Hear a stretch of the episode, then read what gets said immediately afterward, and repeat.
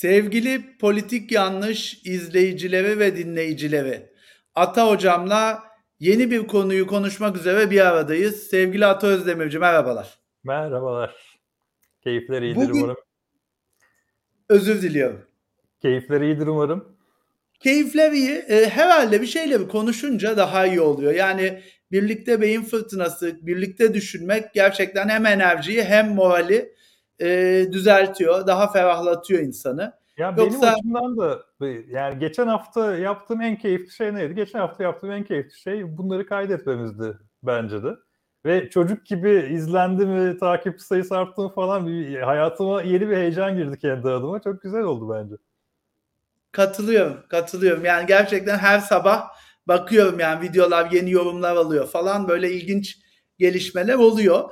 Peki o zaman aslında buna benzer bir heyecanı konuşacağız bugün. Neyi konuşacağız? Girişimcilik ya da startup dünyası e, resmi adıyla girişimcilik ekosistemini ve bu kültürü konuşacağız hocam. Evet. E, toz bulutundan anlatmam lazım mevzuyu çünkü e, gerçekten gerisi var. E, müsaadenle başlayayım bir başlangıç olsun. Tabii ki. Ee, ve nereden nereye geldiğini, neden son yıllarda benzer şeyler konuşmaya başladığımızı, neden hayatımıza böyle ekosistem, startup, melek yatırım ya bu kavramları ardı ardına soktuğumuzu, dünyada neyin değiştiğini kısaca bir üzerinden geçmemiz lazım.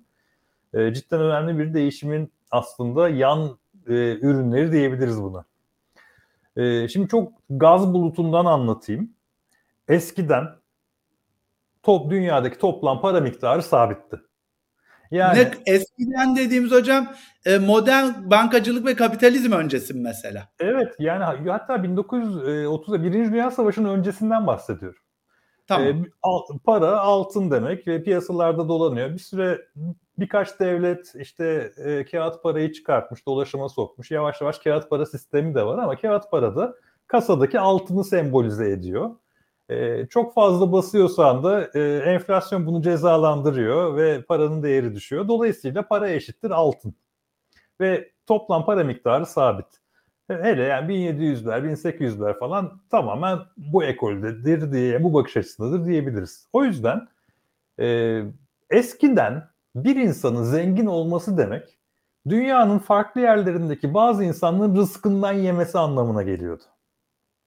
Çünkü total e, üretim miktarı aşağı yukarı sabit, total para sabit. Bir adama çok para geliyorsa ve har vur parmağı savuruyorsa e, başkalarının boğazından çalarak onları aç bırakarak e, zenginleşen bir kötü adam girişimci. O zamanki adı da girişimci falan değil zaten. O zamanki adları işte fabrikatör, e, zengin, e, işte eski, Evet eski aristokratlar onlarda zaten çalışmak da ayıp. Yani hani bir yere yatırım yapmak, bir yere girişimde bulunmak da aslında bir burjuva sınıfının e, mevzusu. Çünkü bir aristokrat e, geçimini zaten çalışmadan sağlar. Çalışmak pek çok e, aristokraside ayıp kabul edilir. Ağa, ağa çalışıyormuş gibi ya yani çalışmak zorunda kalmış.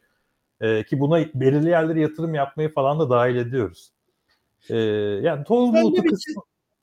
Şöyle bir çizelim yani e, işte eskiden dediğin bu kapital bir ellerde birikmeden önce zaten toprak sahipleri var ve toprak sahipleri evet. doğallığında zengin. Bunun emrine çalışan binler, on binler, yüz binler var ve bu toprak sahibi de haliyle sevimli bir adam olarak kazınmaz beynimize. Neden kazınsın? Ve kuşaktan kuşağa da zenginliğini sabit olarak sürdürüyor ve evlilikler aracılığıyla da mallar mülkler birleştiriliyor ve e, sınıflar arası geçiş neredeyse mümkün değil o çağlarda. Yani bir insanın çok fakir bir ailede doğup eğitim aracılığıyla bir e, ülkenin belli bir konumuna gelmesi, e, zenginleşmesi falan bunlar çok e, olanaklı şeyler değil. Bugün de düşük ihtimalli ama bugüne göre çok çok çok çok daha düşük ihtimalli vakalar bunlar.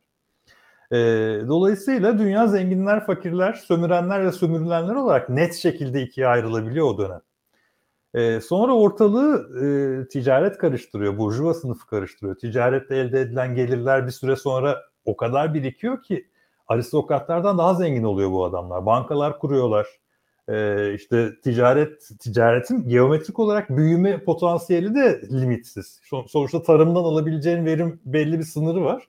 Ama 3 gemiden kar ettin, 3 gemi daha aldın, daha kar ettin 12, 24, 48 diye gidiyor ve e, bunun doğal bir sınırı yok.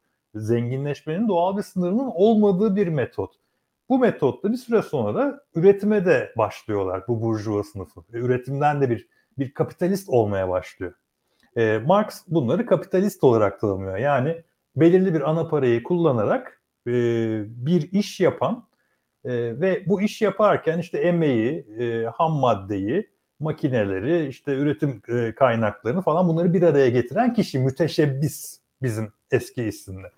E, bunlar da aslında sermayelerini, paralarını harcayarak daha fazla para kazanmaya çalışan, yani çok büyük yatırımlar yaparak daha büyük paralar kazanmaya çalışan insanlar.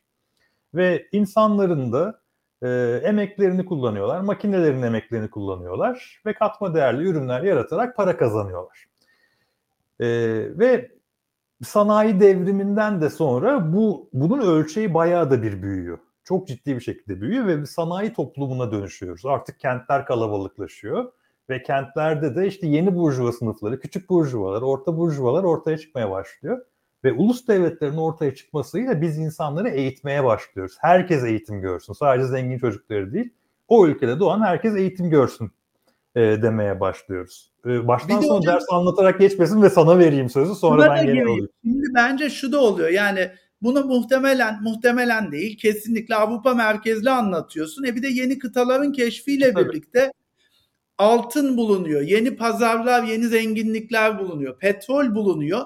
Yani ham madde artıyor, pazar artıyor ve olasılıklar artıyor. O yüzden de bence e, işte endüstri devrimiyle birlikte 1800'ler, 1900'lerle birlikte artık e, sınırlarına sığmayacağını düşünen bir öğreti oluşuyor bence beyinlerde. Çünkü Amerika'ya mal satabiliyorsun. İşte e, Latinlerden e, ham madde alabiliyorsun. Gemilerle ticaret yapıyorsun. Yani bildiğin o derebeylik sınırlarının dışına çıkabiliyorsun. Tabii bunun politik yansımaları sömürgelere gidiyor. Fakat şuna geleceğim. Yani yavaş yavaş da e, şu kırılma noktasına gelelim istiyoruz. Nerede peki yani zenginlik ya da büyüme gerçek altın, gerçek maldan e, bir hayale dönüştü? Borsaların kurulduğu gün mü oldu bu? Ee, aslında net tarih vermek zor. Şimdi İkinci Dünya Savaşı'ndan sonra yapılan parasal anlaşmalar var ve para sistemi değişiyor. Amerika aslında olayın tek patronu oluyor. Ee, ama oradan sonra başka bir şey daha yapıyor. Ee, Amerika bütün dünyayı savaş nedeniyle yıkılmış olan dünyayı ayağa kaldırmak için yardım yapmaya karar veriyor. Yardımı da dolar cinsinden yapıyor. Bunu yaparken de diğer ülkeler konusunda da meşruiyeti sağlam. Çünkü diyor ki dolar eşittir altın. Ben doları altına fixledim. İkinci Dünya Savaşı bittiğinde dünyadaki bütün altınların %62'si zaten Amerika Birleşik Devletleri'nin kasasında. O yüzden çok rahatlıkla diyebiliyorlar ki ben e, piyasaya bunu sembolize edecek doları sürüyorum ve e, bana dolar getirirsen benden altın alabilirsin. Dolayısıyla güvencem benim, kasa kasamda benim altın var diye bütün dünyaya doları yayıyor. Yayarken doların e, emisyonunu hacmini arttırıyor. Yani para miktarı artıyor dünyada. E, normalde böyle bir şey olunca ne olur? Bir parayı basarsan ne olur? Doğal sonucu enflasyon. Tabii. Şimdi e, burada işte çok e, önemli bir ekonomik deney yapıyorlar aslında.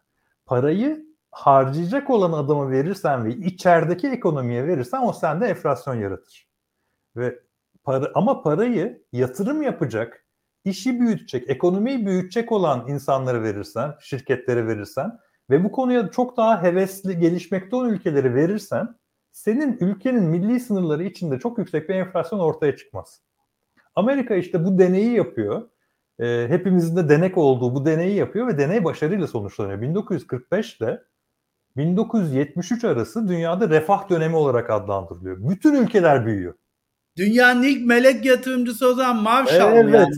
İlk melek yatırımcı. Herkes ayağa kaldırıyor ve e, cebinden 5 kuruş harcamadan yapıyor bunu. Yani matbaasında parayı basarak bütün ülkeleri ayağa kaldırıyor. Çok enteresan bir şey. O zaman o zaman aslında bu sırrı vermiş oldun. Yani zenginleşmenin sırrı herkesin inanacağı bir hikaye yaratmaktan Tabii. geçiyor. Ve para o... tek ortak inançtır dünyadaki. Bir inanç sistemidir para. Tek ortak inanç sistemidir. Hepimiz Hocam, inanırsak var. O zaman sondan hadi ben seni challenge ediyorum. Doğru yüzlerce yıl ya da uzun süre işte altın ya da paraydı tek inanç sistemi. Şu an takipçi ve tık ve bu paradan neredeyse bağımsız bir inanç sistemi. Ee, evet bir hele bir de şey e, Çin'deki gibi vatandaşlık puanına dönüşürse bunlar e, hayat hayatta bir karşılığı da olacak.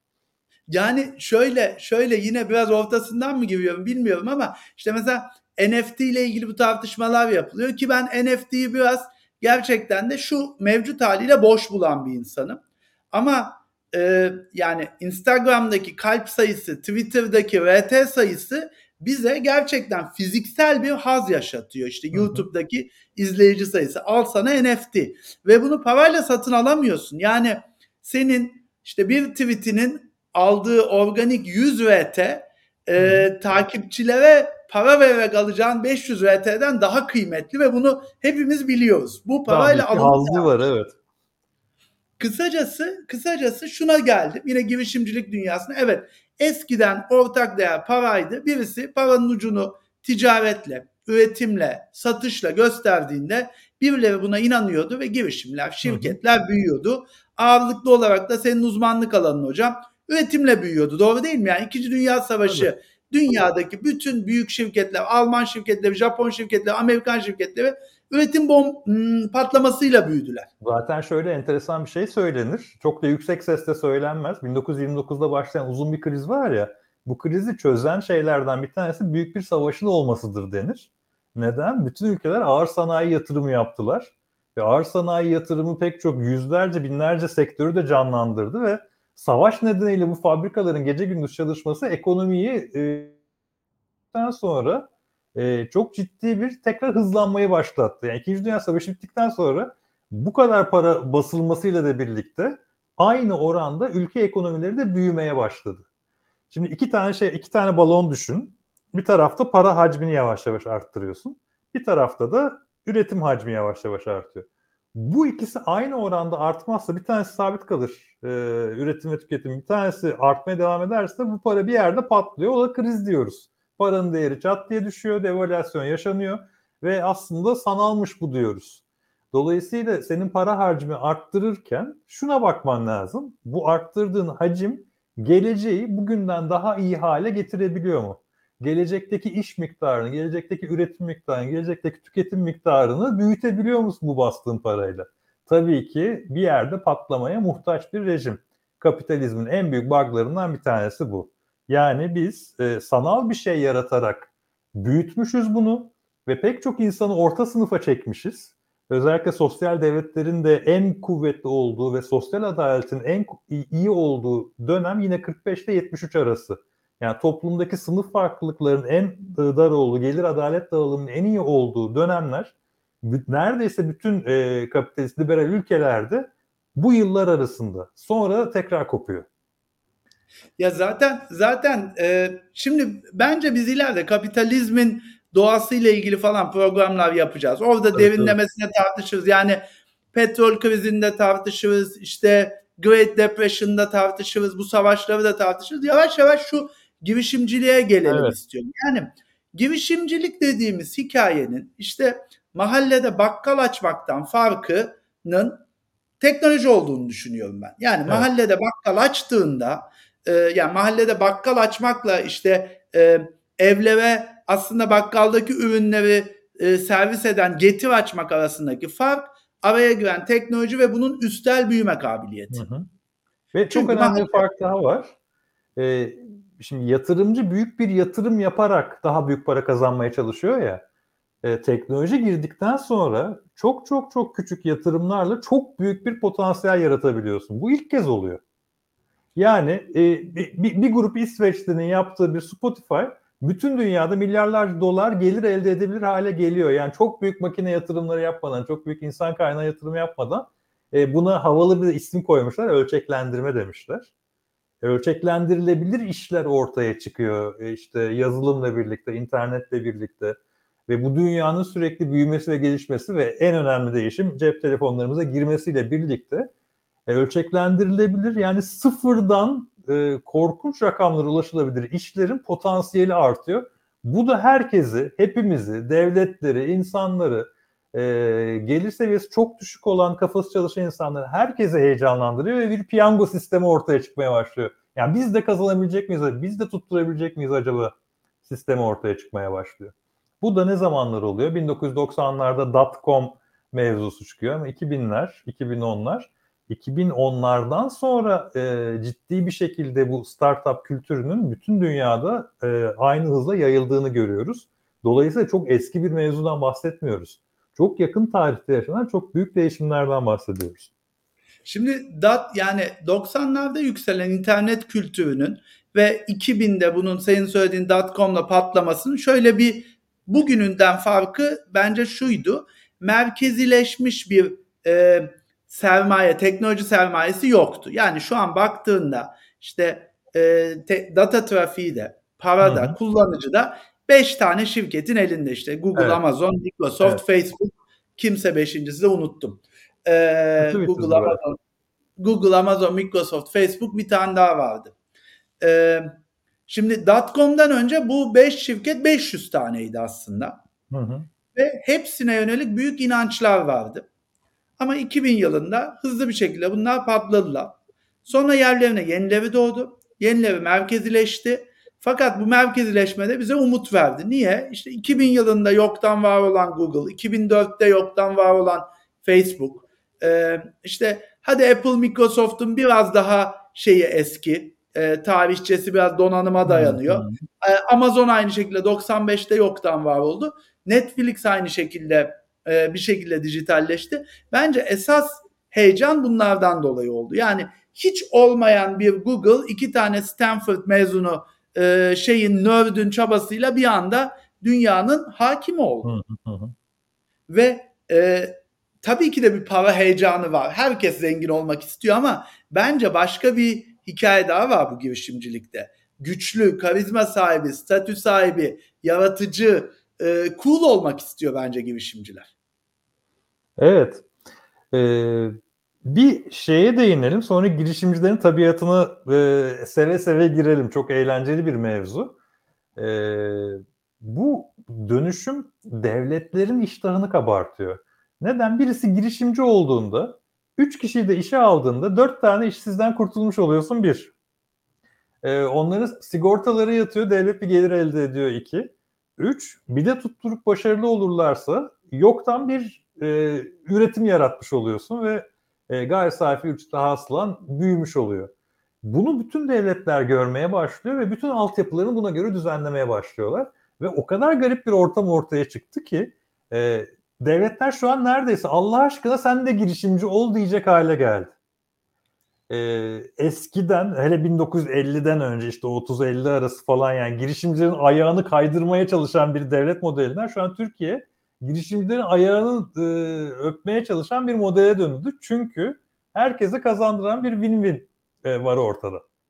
E, ama şimdi şöyle, e, ikincil savaşlar başladı. Ne diyor, ne kastediyorum ikincil savaşla? Mesela geçenlerde işte Martı'nın kurucusu, CEO'su Taksiciler Odası Başkanı'na atarlandı. Tabii. Niye? Ama Şimdi, sektörlerle çok büyük kavgalar var. Her teknik alanda. olarak Şimdi Türkiye'deki taksi sorunuyla ilgili herhalde 100 bölüm podcast yapılır. Şu an ona girmeyeceğim ama şöyle bir sorun var. Yani taksiciler geleneksel bir girişimci odası etrafında öbeklenmiş birisiyle tek bir şirketi temsil eden bir girişimcinin kafes dövüşü var. Bu aslında bayağı e, didiklemeye değer bir konu. Ama buraya gelmeden şu girişimciliği tekrar işte tipik bir 18. dakika sorusu olarak sorayım. Tanımlayalım hocam şu girişimciliği. Neymiş bakalım? E, girişimcilik eski kitaplarda şöyle tanımlanıyordu. Emeği, sermayeyi, e, işte e, üretim aygıtlarını bir araya getiren, teknolojiyi bir araya getiren, risk alan ve bu riskin karşılığında da kazanç bekleyen kişiye girişimci diyoruz. Şimdi bugün bu tanımı biraz daha bozuyoruz. Çünkü e, cebinde bir kapital olan adamdı girişimci. Şimdi cebinde kapitalin de yoksa ama çok iyi bir iş planın varsa, iyi bir iş fikrin varsa, iyi bir ekip kurduysan bu sefer de şuna dönüşebiliyorsun. E, bakın benim iyi bir fikrim var. Çok iyi iş çıkarıyoruz. Bakın e, yaptığımız bazı şeyler de var. Hadi gelin bize ortak olun veya bize destek verin e, burada çok büyük bir potansiyel var diyen kişiler ortaya çıkmaya başladı. Yani kapitali neredeyse bu girişimcinin fonksiyonlarından çıkartmak üzereyiz. Sadece fikrin, ekibin, enerjin ve e, iş yapma becerin varsa sen girişimci olabiliyorsun artık. Bu iyimser tarafı. E, kötümser tarafı e, o kadar büyük bir hayal senaryosu ve o kadar büyük başarı hikayeleri kültürü var ki sahneye çıkıp başarıların anlatılması. Anlatılmayan şeyler o kadar fazla ki bu dünyada. Girişimciliği anlatanlar girişimciden daha fazla sayıda neredeyse. Girişimciliği anlatanlar girişimcilerden daha havalı. Ee, ve e, gerçekten çok büyük yıkımlarla da sonuçlanabilen e, girişim hikayeleri var. Bütün parasını batıran işte 4-5 e, senesi e, çırpınıp çırpınıp çırpınıp bir yere varamayan sadece işte tecrübe elde ettim diyen e, bir sürü vaka da var. Dolayısıyla hep başarı hikayeleri anlatılıyor. E, ama e, yapıla gelen çok ciddi hatalar da var. Çünkü e, yaratan karikatür bir dünya da var. Karikatür bir başarı dünyası da var. Gerçekçilikten kopuk bir dünya da var burada. Şimdi gerçekçilikten kopuğu şöyle devreye gireceğim. Teknik olarak ve yaptığın tanımda bir girişimin aslında para kazanması gerekiyor. Bakkal mı açıyorsun? 3 liraya alıp 4 liraya satman gerekiyor ki o çark dönsün. Fakat girişimcilik ve yani yatırımla dış kaynakla dönen bu girişimcilik de şu. Artık kar etmek de anlamını yitirdi.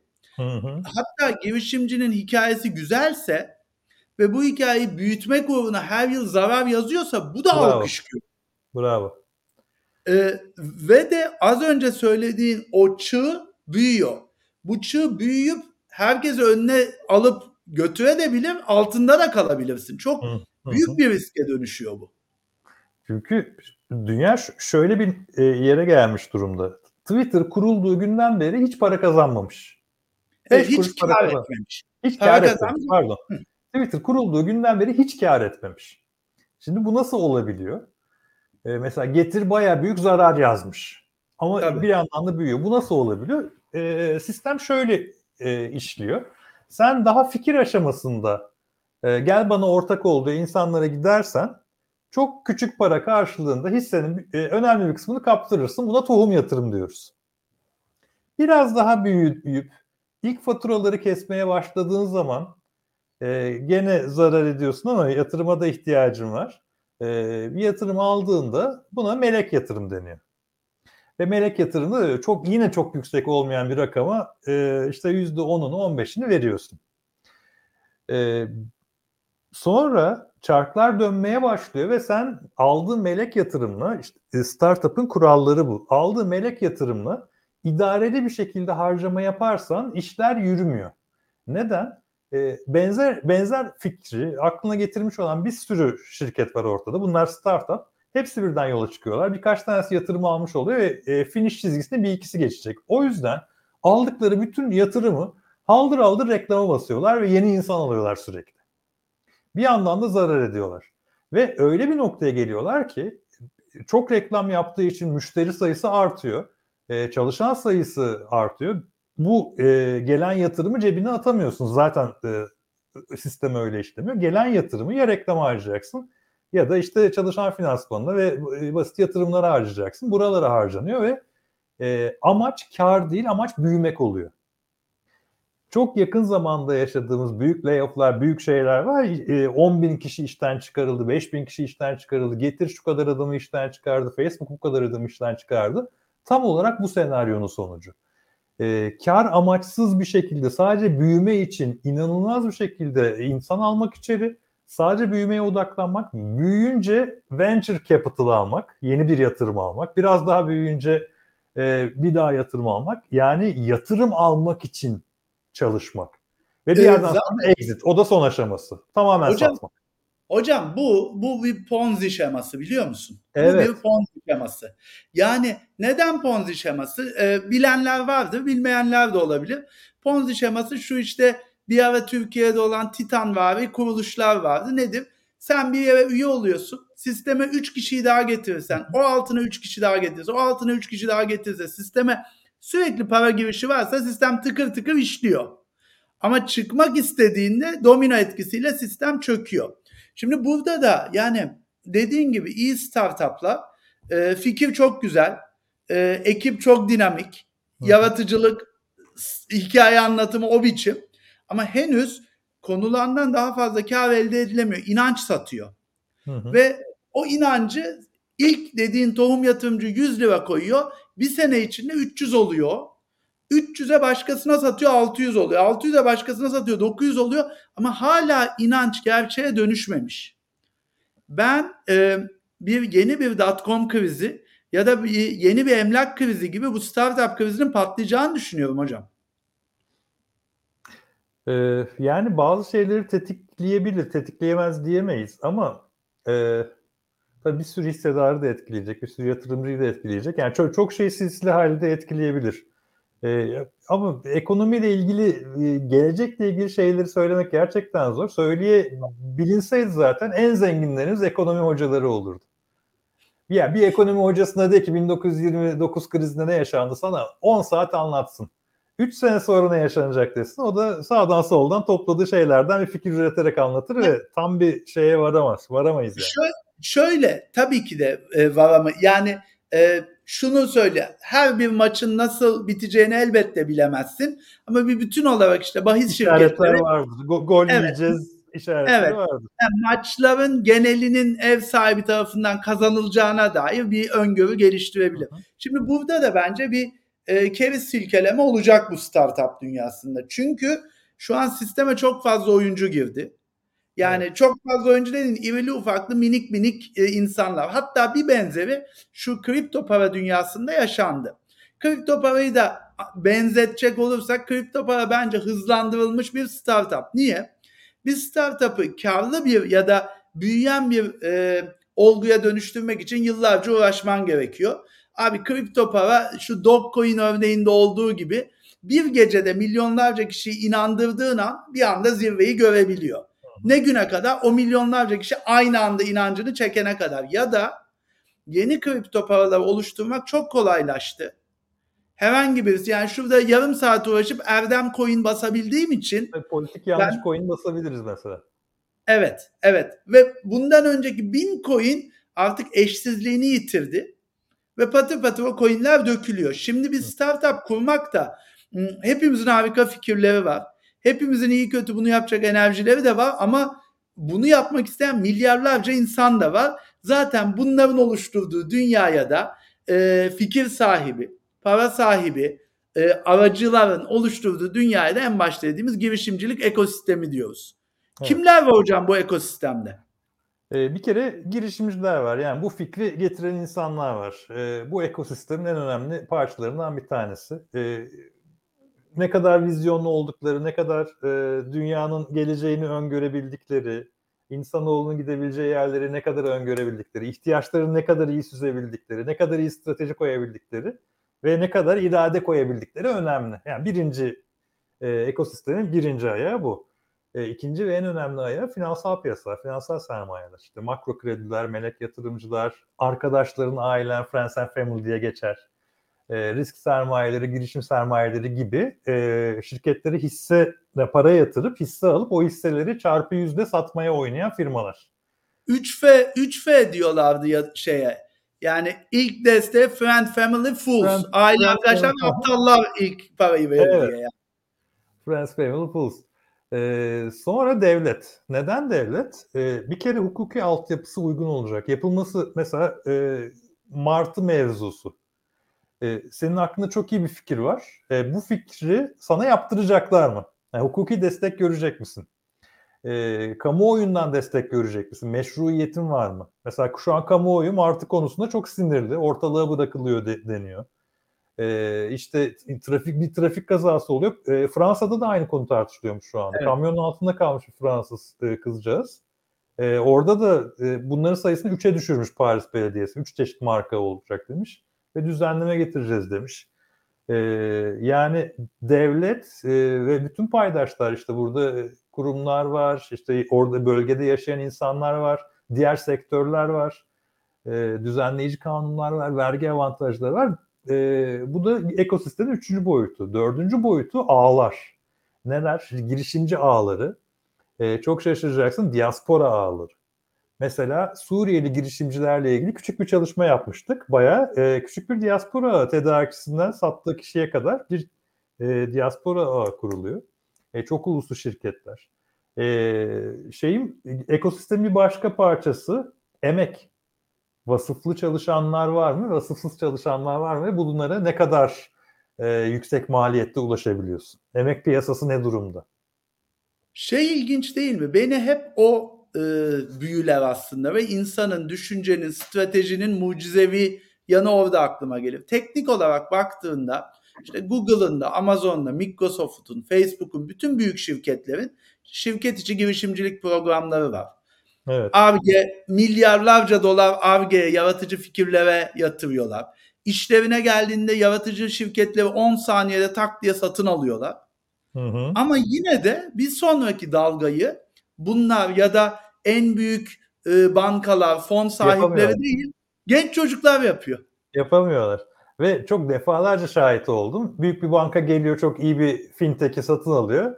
Sonra sürünüyor o fintech. Yani bankanın aldığıyla kalıyor. Çünkü o e, gerçekten güzel bir hayal. E, bir banka olarak arkasında dururuz artık buradan sonra uçar gider. E, başlangıçtaki şeyinden çok kaybediyor. Yani startup'ı olduğu gibi satın almak bu kuruluşlar açısından çok zor bir süreç. E, yönetmesi de çok zor bir süreç. E, ve e, orada da startup'ın kurucuları kadar iyi bir irade sergileyemeyebiliyorlar. E, burada şey çok önemli. Ben mesela bugün iyi bir bisküvi üretsem ve bu bisküvi yayılmaya başlasa benim büyük bisküvi şirketlerinden bir tanesi satın alır, çat diye biterim ve aynı şekilde devam ederler. Hiç problem yok. Çünkü ürün belli, pazar belli, onu da büyütebilir, daha da reklam basar, arttırır. Ee, iyi bir kıyafet markası yaratırsam bir büyük kıyafet markası gelir beni satın alır ve büyütür. Otomobilde çok benzer bir şey. Ama e, bu startuplarda e, hem teknoloji hem hizmet üretiyorsun hem de özellikle yeni kuşağın e, işin içinde olduğu bir şey üretiyorsun. Senin birdenbire büyükler satın e, alsa da aynı e, kıyafet e, markanı satmış gibi bir etki yaratamayabiliyorsun. Dolayısıyla büyüklerin hakim olduğu eski sektörler, yiyecek, içecek, çikolata, parfüm, şunlar bunlar orada bir küçüğün çok çok çok büyük hacme ulaşması mümkün değil. Hemen satın alırlar, yapıştırırlar ve e, 6-7 tane büyük holdingin bir parçası haline dönüşür. Yani bütün dünya küresel olarak ana akım ürünlerde o hale gelmiş durumda. Ama demokrasi öbür tarafta var şu anda. E, çok yeni işlerde, yeni sektörlerde e, işte e, fintech de var, işte e, çok iyi bir aracılık yazılımında var.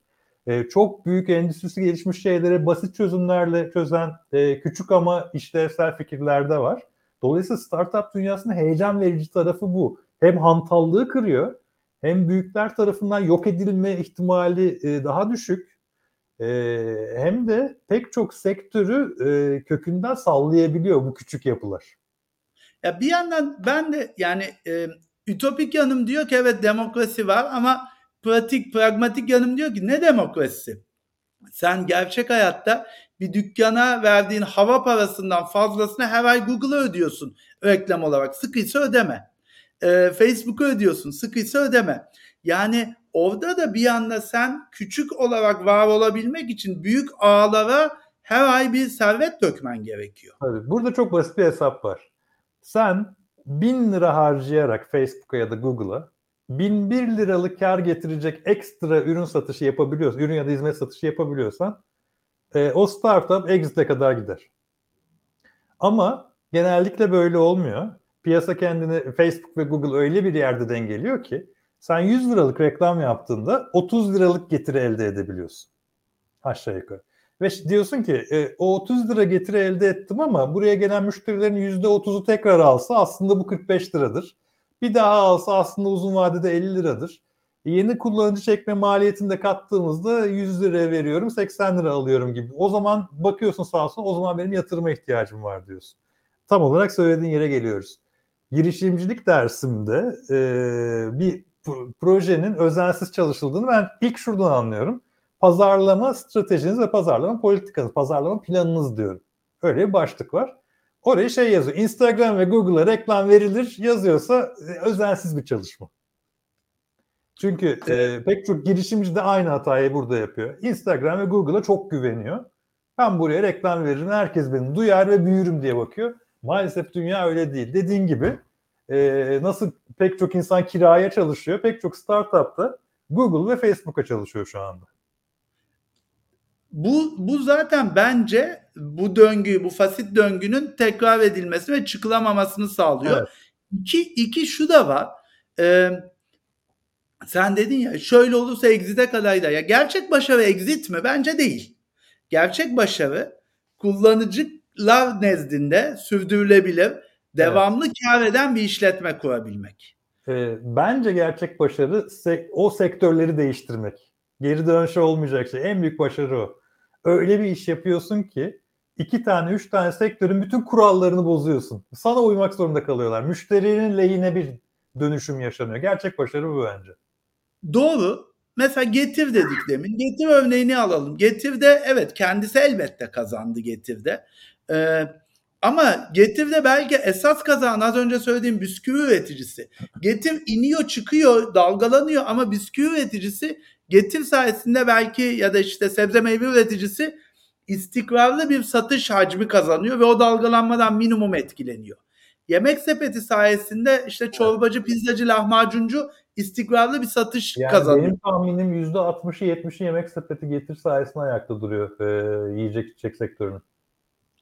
Öyle gözüküyor ve tekrar söylüyorum. Evet onlar da şikayet ediyor. Etmeye de devam edecekler. Çünkü işte Getir, Yemek Sepeti gibi aracı platformlar e, bu az önce konuştuğumuz iniş çıkışlardan ötürü titredikçe kendi çalıştıkları firmaların boğazına çöküyorlar. Çok büyük komisyonlar alıyorlar. Çok uzun ödeme vadeleri yapıyorlar ve onlar da diyor ki ya yeter canımızı mı alacaksınız diyor. Ama canını vermeme dışında başka bir çare de yok.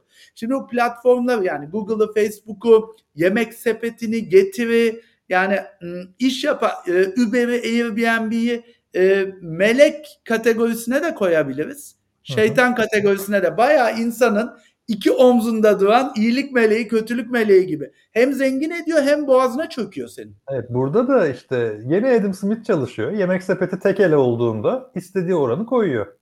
Ama yemek sepetinin şu an ardı ardına rakibi çıktığında yemek sepeti bile bazı konularda insafa gelmeye başladı. Ee, mesela şey ben pek çok restoranlar e, diğer firmaların övüldüğünü duyuyorum. Mesela küresel ölçekte de Alibaba çok büyük bir demokrasi yarattı. Yani dünyanın dört bir tarafındaki irili ufaklı binlerce şirketi dünyanın öbür ucunda ticaret yapabilir hale getirdi. Asıl büyük devrim aslında orada yaşandı. Ee, onun B2C versiyonu AliExpress ama e, Alibaba e, cidden çok farklı. E, bu işlerden sonra e, ben şunu fark ettim. Ne kadar çok iş aslında aracılığa dayanıyormuş. Aracıyı Tabii. aradan çıkarttığında ne kadar çok iş alanı ortaya çıkıyor. Yani pek çok insan bu adamla bu adam arasındaki ilişkiyi çökmek üzere, çözmek üzere kurulmuş ve e, kadim sektörler oluşmuş. Şu an o sektörlerin tamamı sallantı halinde. Yani gümrükçüyü diyorsun, işte iç takipçisini diyorsun, nakliyeci, ambarcı. diyorum. O, onunla onun arasında ilişki kuran broker e, forwarder diyorsun belki o evet. ödeme tahsilat dengesini çözen. Şimdi o zaman güzel bir yere getirdin. Yani yeni modeller çıkıyor. Gel bu yeni modellerin birkaç tanesini böyle yani e, startup'ın sunduğu avantajları gözden geçirelim. E, ismini anmadan bahsettik ama mesela crowdfunding diye bir şey var. Ne bu? Evet. E, hiçbir büyük yatırımcıya e, bel bağlamadan minik minik belki binlerce, on binlerce yatırımcı sayesinde kendini var edebiliyorsun. Evet. E, bu işleyen bir metot mudur hocam? E, bizzat da deneyimleme şansım oldu. Buradan da teşekkür edeyim. E, kitle fonlaması, fon bulucu sitesinden. Ben de bir startup kurucusuyum. E, yani insanlar ikiye ayrılıyor aslında. Anlatanlar ve yapanlar diye. Benim hayalim hem anlatan hem yapan olmaktı. Kendime koyduğum hayalim. E, şu an onun için uğraşıyorum ve kendi kurduğum startup, Steto, işte e, seni doktoruna, uzmanına ulaştıran, e, onların ondan randevu almanı görüşmeni sağlayan e, basit bir platform aslında.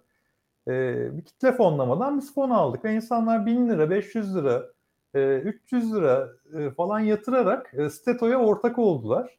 Ve biz o e, parayla e, işte ekibi kurduk, işte yapabileceğimiz reklamları yaptık, altyapımızı güzelleştirdik falan. Burada yani güzel bir hikaye var burada. Başarırsak herkes mutlu olacak. O bin lira koyan adam e, belki çarpı yüzde e, bu hissesini satabilecek. Bankadan alabileceği faizin çok daha fazlasını kazanabilecek. Bankaya para yatırdığı zaman e, bir anlam duygusu da hissetmiyor ama burada diyor ki ya ben bir işin kurulmasına yardımcı oluyorum, insanlara faydalı oluyorum ve inandığım bir projeye destek oluyorum. Bana doğrudan yazılan mailler var. Kitle fonlamada çok güzel bir romantizm var bence. Ee, biraz da o yüzden de parçası olmak istedim. Gerçekten de çok keyifli bir şey. Başka bir boyutu daha var. Ben şu an harcadığım 50 kuruşun bile hesabını veriyorum. Bir devlet e, yetkilisi gibiyim. E, e, şirket için para harcarken başkasının yaptığı yatırımı e, cebinden arttırarak yaptığı yatırımı harcıyorum ve bu hem şeffaflık çok ciddi bir denetimden de geçiyorsun. E, hem şeffaflık sağlıyor hem de sorumluluk duygusu var. Hem de biraz da sırtına da biraz e, şey biniyor. O insanların beklentisi de biniyor. Bence çok romantik, çok güzel bir hikaye. E, hadi hep birlikte yapalım hikayesi. Mesela şu anda şey yapıyorlar. E, yine bir fon birleştirdiler. O fonla büyük bir arazi kiraladılar. Orada tarım yapıyorlar. E, Şimdi, ve şey yetiştiriyor. E, asparagus neydi Türkçesi? Kuşkonmaz. Şey, kuş, kuşkonmaz. Kuşkonmaz yetiştiriyorlar. Ee, evet. Ve kuşkonmazların tamamı satacaklar falan. Bir, bir hesap kitaba bakıyorsun. Herkes kazanacak bu hesapta. Çok enteresan bir hikaye. Hocam ben ben zaten sosyalist düşüncede olan bir insanım. Ben Neredeyse kooperatif sosyalizm bu. Kooperatifçiliği kooperatifçiliği kooperatifçilik evet. Evet. Ee, peki sana o zaman ya yani ve kooperatifçiliğin işleyen bir metot olduğunu biliyorum. Dünyada mesela hepimizin bildiği Huawei şirketi Çinli tam olarak böyle kuruldu. Huawei yanılmıyorsam 10 bin, 10 bin kişinin kooperatifi olarak kuruldu 1980'lerde. Ee, peki sana evet ve e, onun etkisiyle gerçekten arkasında tabii birçok şey var. Yani Çin kültürü var. E, dünyadaki teknolojinin hızlı gelişmesi ve onu ilk başlarda Huawei'ye çok eleştiriler vardı. Ürün kopyalıyor falan diye. Ama aslında dışarıdaki bir ürünü görüp onu hızlı bir şekilde kendi inovasyon döngüsüne almak bence kopyalamak değil. Dışarıda olup biteni iyi idrak etmek. Bir sürü patent kopyalama davaları oldu da ayrı bir soru. Ayrı bir konu. Şunu soracağım peki hocam. E, 1000 TL'lik 1000 yatırımcı mı istersin? 200 bin liralık 5 yatırımcı mı? 1000 TL'lik 1000 yatırımcı isterim. Niye? Çünkü hiç kimse e, karışamazdı işine. Öyle yandan yandan. Tersi, e, daha çok hesap soruyorlar biliyor musunuz? O 1000 lirasını e, mesela geçen e, Steto'nun ofisinden bir görüntüler paylaştık. O ofis de bize bir e, banka tahsis etti 6 aylığına o startup ekosistemiyle işte başvurduk ve aldılar. Bir para falan ödemiyoruz.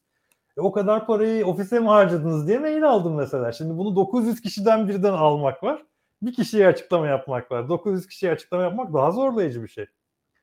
Tabii, evet. tabii biz Türkiye'de bu kültür pek yok da Amerika'da e, borsa ve hissedar kültürü yaygın olduğu için genel evet. kurullarda zaten şirket yöneticilerinin o kuponları sallaya sallaya ağızlarına şey yapıyorlar, vuruyorlar yani. şeffaflık her yerde işe yarar. Her, her, her yerde güzel bir şeydir şeffaflık. Yani devlet yönetiminde de öyle, şirket yönetiminde de öyle. Yani paranın nereden nereye gittiğinin herkesin açık bir şekilde önünde olması çok kıymetli bir şey. Pek çok kooperatif de bu yüzden çöküyor. Yani iyi denetlenemediği için, iyi bir şeffaflık olmadı. Kooperatif sistemi aslında e, kuramsal olarak buna çok benziyor. Niye çalışamıyor? Çünkü e, işte denetim mekanizmaları, kötü niyetler vesaire. Bence yine başka bir programda konuşuruz ama liderlik sorun e, yani kooperatif liderliğe müsait bir yer değil. Bence liderlik artık o işbirlikçi, hmm. kooperatif bir model bir arada olmalı. E, işte bu crowdfundingçi e, startuplar buna olanak sağlıyor. İki Peki, şey var. Tabii. Ee, biri crowdfunding. Ee, güzel bir dünyada inandığımız modellerden bir tanesi. Bir tanesi de sosyal girişimcilik. Ee, ben e, bilim dalı başkanıyım. Ee, toplumsal projelerin yönetimi ve organizasyonu bilim dalı başkanıyım. E, programın adını da sosyal girişimcilik ve sosyal inovasyon yönetimi olarak değiştiriyoruz. Sosyal girişimcilik çok enteresan bir şey. İnandığım dünya görüşü nedir desen, yani geleceğin güzel dünyası nasıl inşa edilebilir desen ben sosyal girişimcilik derim. Nedir sosyal girişimcilik? Kısaca açıklayayım.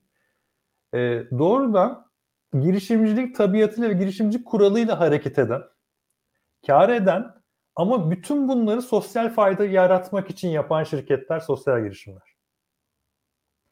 Ee, yani dilenmeden, bağış toplamaya çaba harcamadan, normal iş yaparak o yaptığı işi sadece fayda amaçlı yapabilmek. Bu olağanüstü bir şey. Bambaşka bir şey. Ee, ve öyle bir iş modeli, bunlar da birer startup ve bunlar da destek görüyor, bunlar da fonlanıyor. Ee, aradaki sınır çok gri bölge. Yani bir, bir girişimi, sosyal girişimle normal girişimi yapan şey nedir? Ee, sürekli kar payı dağıtıp e, işte karına kar katıyorsun artık girişime dönüyorsun ama elde ettiğin karı sosyal girişimin alanını büyütmek için kullanıyorsan sosyal girişim olarak kalmaya devam ediyorsun gibi gri bölgeler de var. Yani Türk hukuk sisteminde sosyal girişim diye ayrı bir girişim tipi yok. O yüzden AŞ ya da LTD olarak kurmak zorundasın ama sosyal girişim tanımlamasını biz dışarıdan yapıyoruz ama pek çok ülkede sosyal girişim diye ayrı bir hukuki yapı var. Şimdi onda da tabii şöyle bir yani o gri alanı iyice bulandırayım mı sana? Sosyal girişim adı altında elde ettiğin reputasyonla aslında karlılığını büyütüyorsun. Bu Etik mi değil mi? Bu win ee, yani şey e, bağışı e, insanların önünde mi yapmak esastır, gizli mi yapmak esastır tartışmasına benzer bir tartışma. Ee, ama bu tartışmada şöyle bir şey var. Senin de bazen öyle bir marka yüzü oluyorsun ki o sosyal girişimin insanlar sen olduğun için aslında o sosyal girişimin başarısı daha da artıyor. Yani kendini meşhur ederek aslında e, sen o girişimin yüzü oluyorsun biraz da. İnsanlara ilham veren kişi oluyorsun. E, bir de bir de şu var. E, geçenlerde çok şaşırdım. Neydi unuttum ya. E, bir tane artık dünyamızda var olmayan bir hastalık cüzzam olsun misal. İşte öyle, öyle bir şeyle Savaş Derneği kapattı kendisini. Dedi ki yok artık benim işim bitti dedi. Hmm. Şimdi e, al sana so efendim Alzheimer's Association'ın vizyonunda yazıyor bu. E, Alzheimer'ın olmadığı bir dünya yazıyor. Yani bana ihtiyaç olmayan bir dünyayı hayal ediyorum diyor. Şimdi onu demeye çalışıyorum. Sosyal girişimin zayıf karnı bu. Şimdi bir şirket yapısı gereği onun sürekli büyümeyi ve var olmayı hedeflemesi gerekiyor. Ve büyümesi için işte bu örnekte olduğu gibi yeni hastalara, yeni muhtaçlara ihtiyaç duyuyor. Ama misyonu da o muhtaçlığı ortadan kaldırmak. Al sana çelişki hocam. Evet. Tom's Shoes var en meşhur sosyal girişim hikayesi. Ee, şimdi biz derslerde en sevdiğimiz konulardan birisi e, budur. Bu bir marketing midir? Yoksa bu bir sosyal girişim faaliyeti midir? E, ne yaptıklarını anlatayım. Tom's Shoes'tan bir tane ayakkabı aldığında sana Tom's Shoes diyor ki ben ayakkabısı olmayan bir çocuğa ayakkabı hediye ediyorum. Senin bu aldığın her bir ayakkabı karşılığında bir ayakkabı hediye ediyorum. Ve bugüne kadar yüz milyonlarca ayakkabı hediye etmiş. Ee, şimdi bu bir pazarlama faaliyeti midir? Evet. Ama şöyle bir fark var. Kurulduğu günden beri böyle. Kurulma nedeni bu. Adam ee, demiş ki ben böyle bir şey kuracağım ve insanlardan bağış toplamayacağım. İnsanlara ayakkabı satacağım. Belki 100 lira daha pahalıya satacağım o ayakkabıyı. Sen de o ayakkabıyı alarak ahlaki e, erdem sinyallemesi yapabileceksin. Ben insanlara yardım ettim diyeceksin. Evet. E, bir, bir çocuk da ayakkabı sahibi olacak. Ben de ben, maaşını alabileceğim. Herkes kazanıyor bak modelde. Ee, öyle gözüküyor. Ben Toms ayakkabıları zevkle giyen birisi olarak söyleyeyim ki şunu itiraf etmek gerekiyor. Muadili ayakkabıdan iki katından fazlaya satıyor. Yani zaten Aynen. O verdiği ayakkabıyı çoktan çıkartıyor senden. Hı hı. Üstüne ikisinden de kar marjını da cebine koyuyor. Ee, hem kendisi o işte iyilik alkışını topluyor. Hı. Sen de ayağında Tom yazan ayakkabıyla şey yaptığı vay be ne yüce gönüllü insan diye geziyorsun etrafta. Hı hı. Dediğin gibi herkes kazanıyor. Ama tekrar söylüyorum bu hikayenin sürmesinin bir şartı var. Ayakkabısız çocuk olması. Ayakkabısız çocuk kalmayınca Tom'sun misyonu çöküyor. Evet yani derdimiz de bu olsun. Yani başka bir alanda yeni bir sosyal girişim kurarsın kurucular olarak. Yani şirketlerde evet. kapanabilir şeyler sonuçta. Şöyle bence de öyle ama e, burada e, yapar mı yani bir şirket özelinde konuşmayalım da yani hazır kendi bulunduğu alan devam ediyorken kolay kolay bunu kapatayım da artık ben başka yerde e, melekliğe devam edeyim demeyecekti. O melek yatırımcı da o kadar melek olduğunu ben düşünmüyorum. E, peki şunu da soracağım o zaman e, yani konuşalım istiyorum. Şu kurumsal sosyal sorumluluk var. Kurumsal sosyal sorumluluk esas bence gri Hatta nahoş alan bu. Neden? Evet. Ee, ana faaliyet alanının dışında ilgisiz bir şekilde e, kendine e, imaj temizleme çalışması yapıyorsun. X'ten para Atıyorum. kazanıyorsun, Y'ye yardım ediyorsun. Bunun adı ku- kurumsal sosyal sorumluluk. Aynen para öyle. kazanırken X problemini de çözüyorsun. Bunun adı sosyal girişimcilik. Arada böyle Aynen öyle. Mesela Yani yani tam- satarak kaleyi tamir ediyorsun. Bu kurumsal sosyal sorumluluk. Tam bunu söylemek istiyorum. Zaten sorun bu. Yani sen şimdi işte çevreye ciddi etkileri olan, negatif etkileri olan bir iş yapıyorsun ama gidiyorsun bir köyde çitleri boyuyorsun ve bir anda çevre dostu e, imajı elde etmeye çalışıyorsun.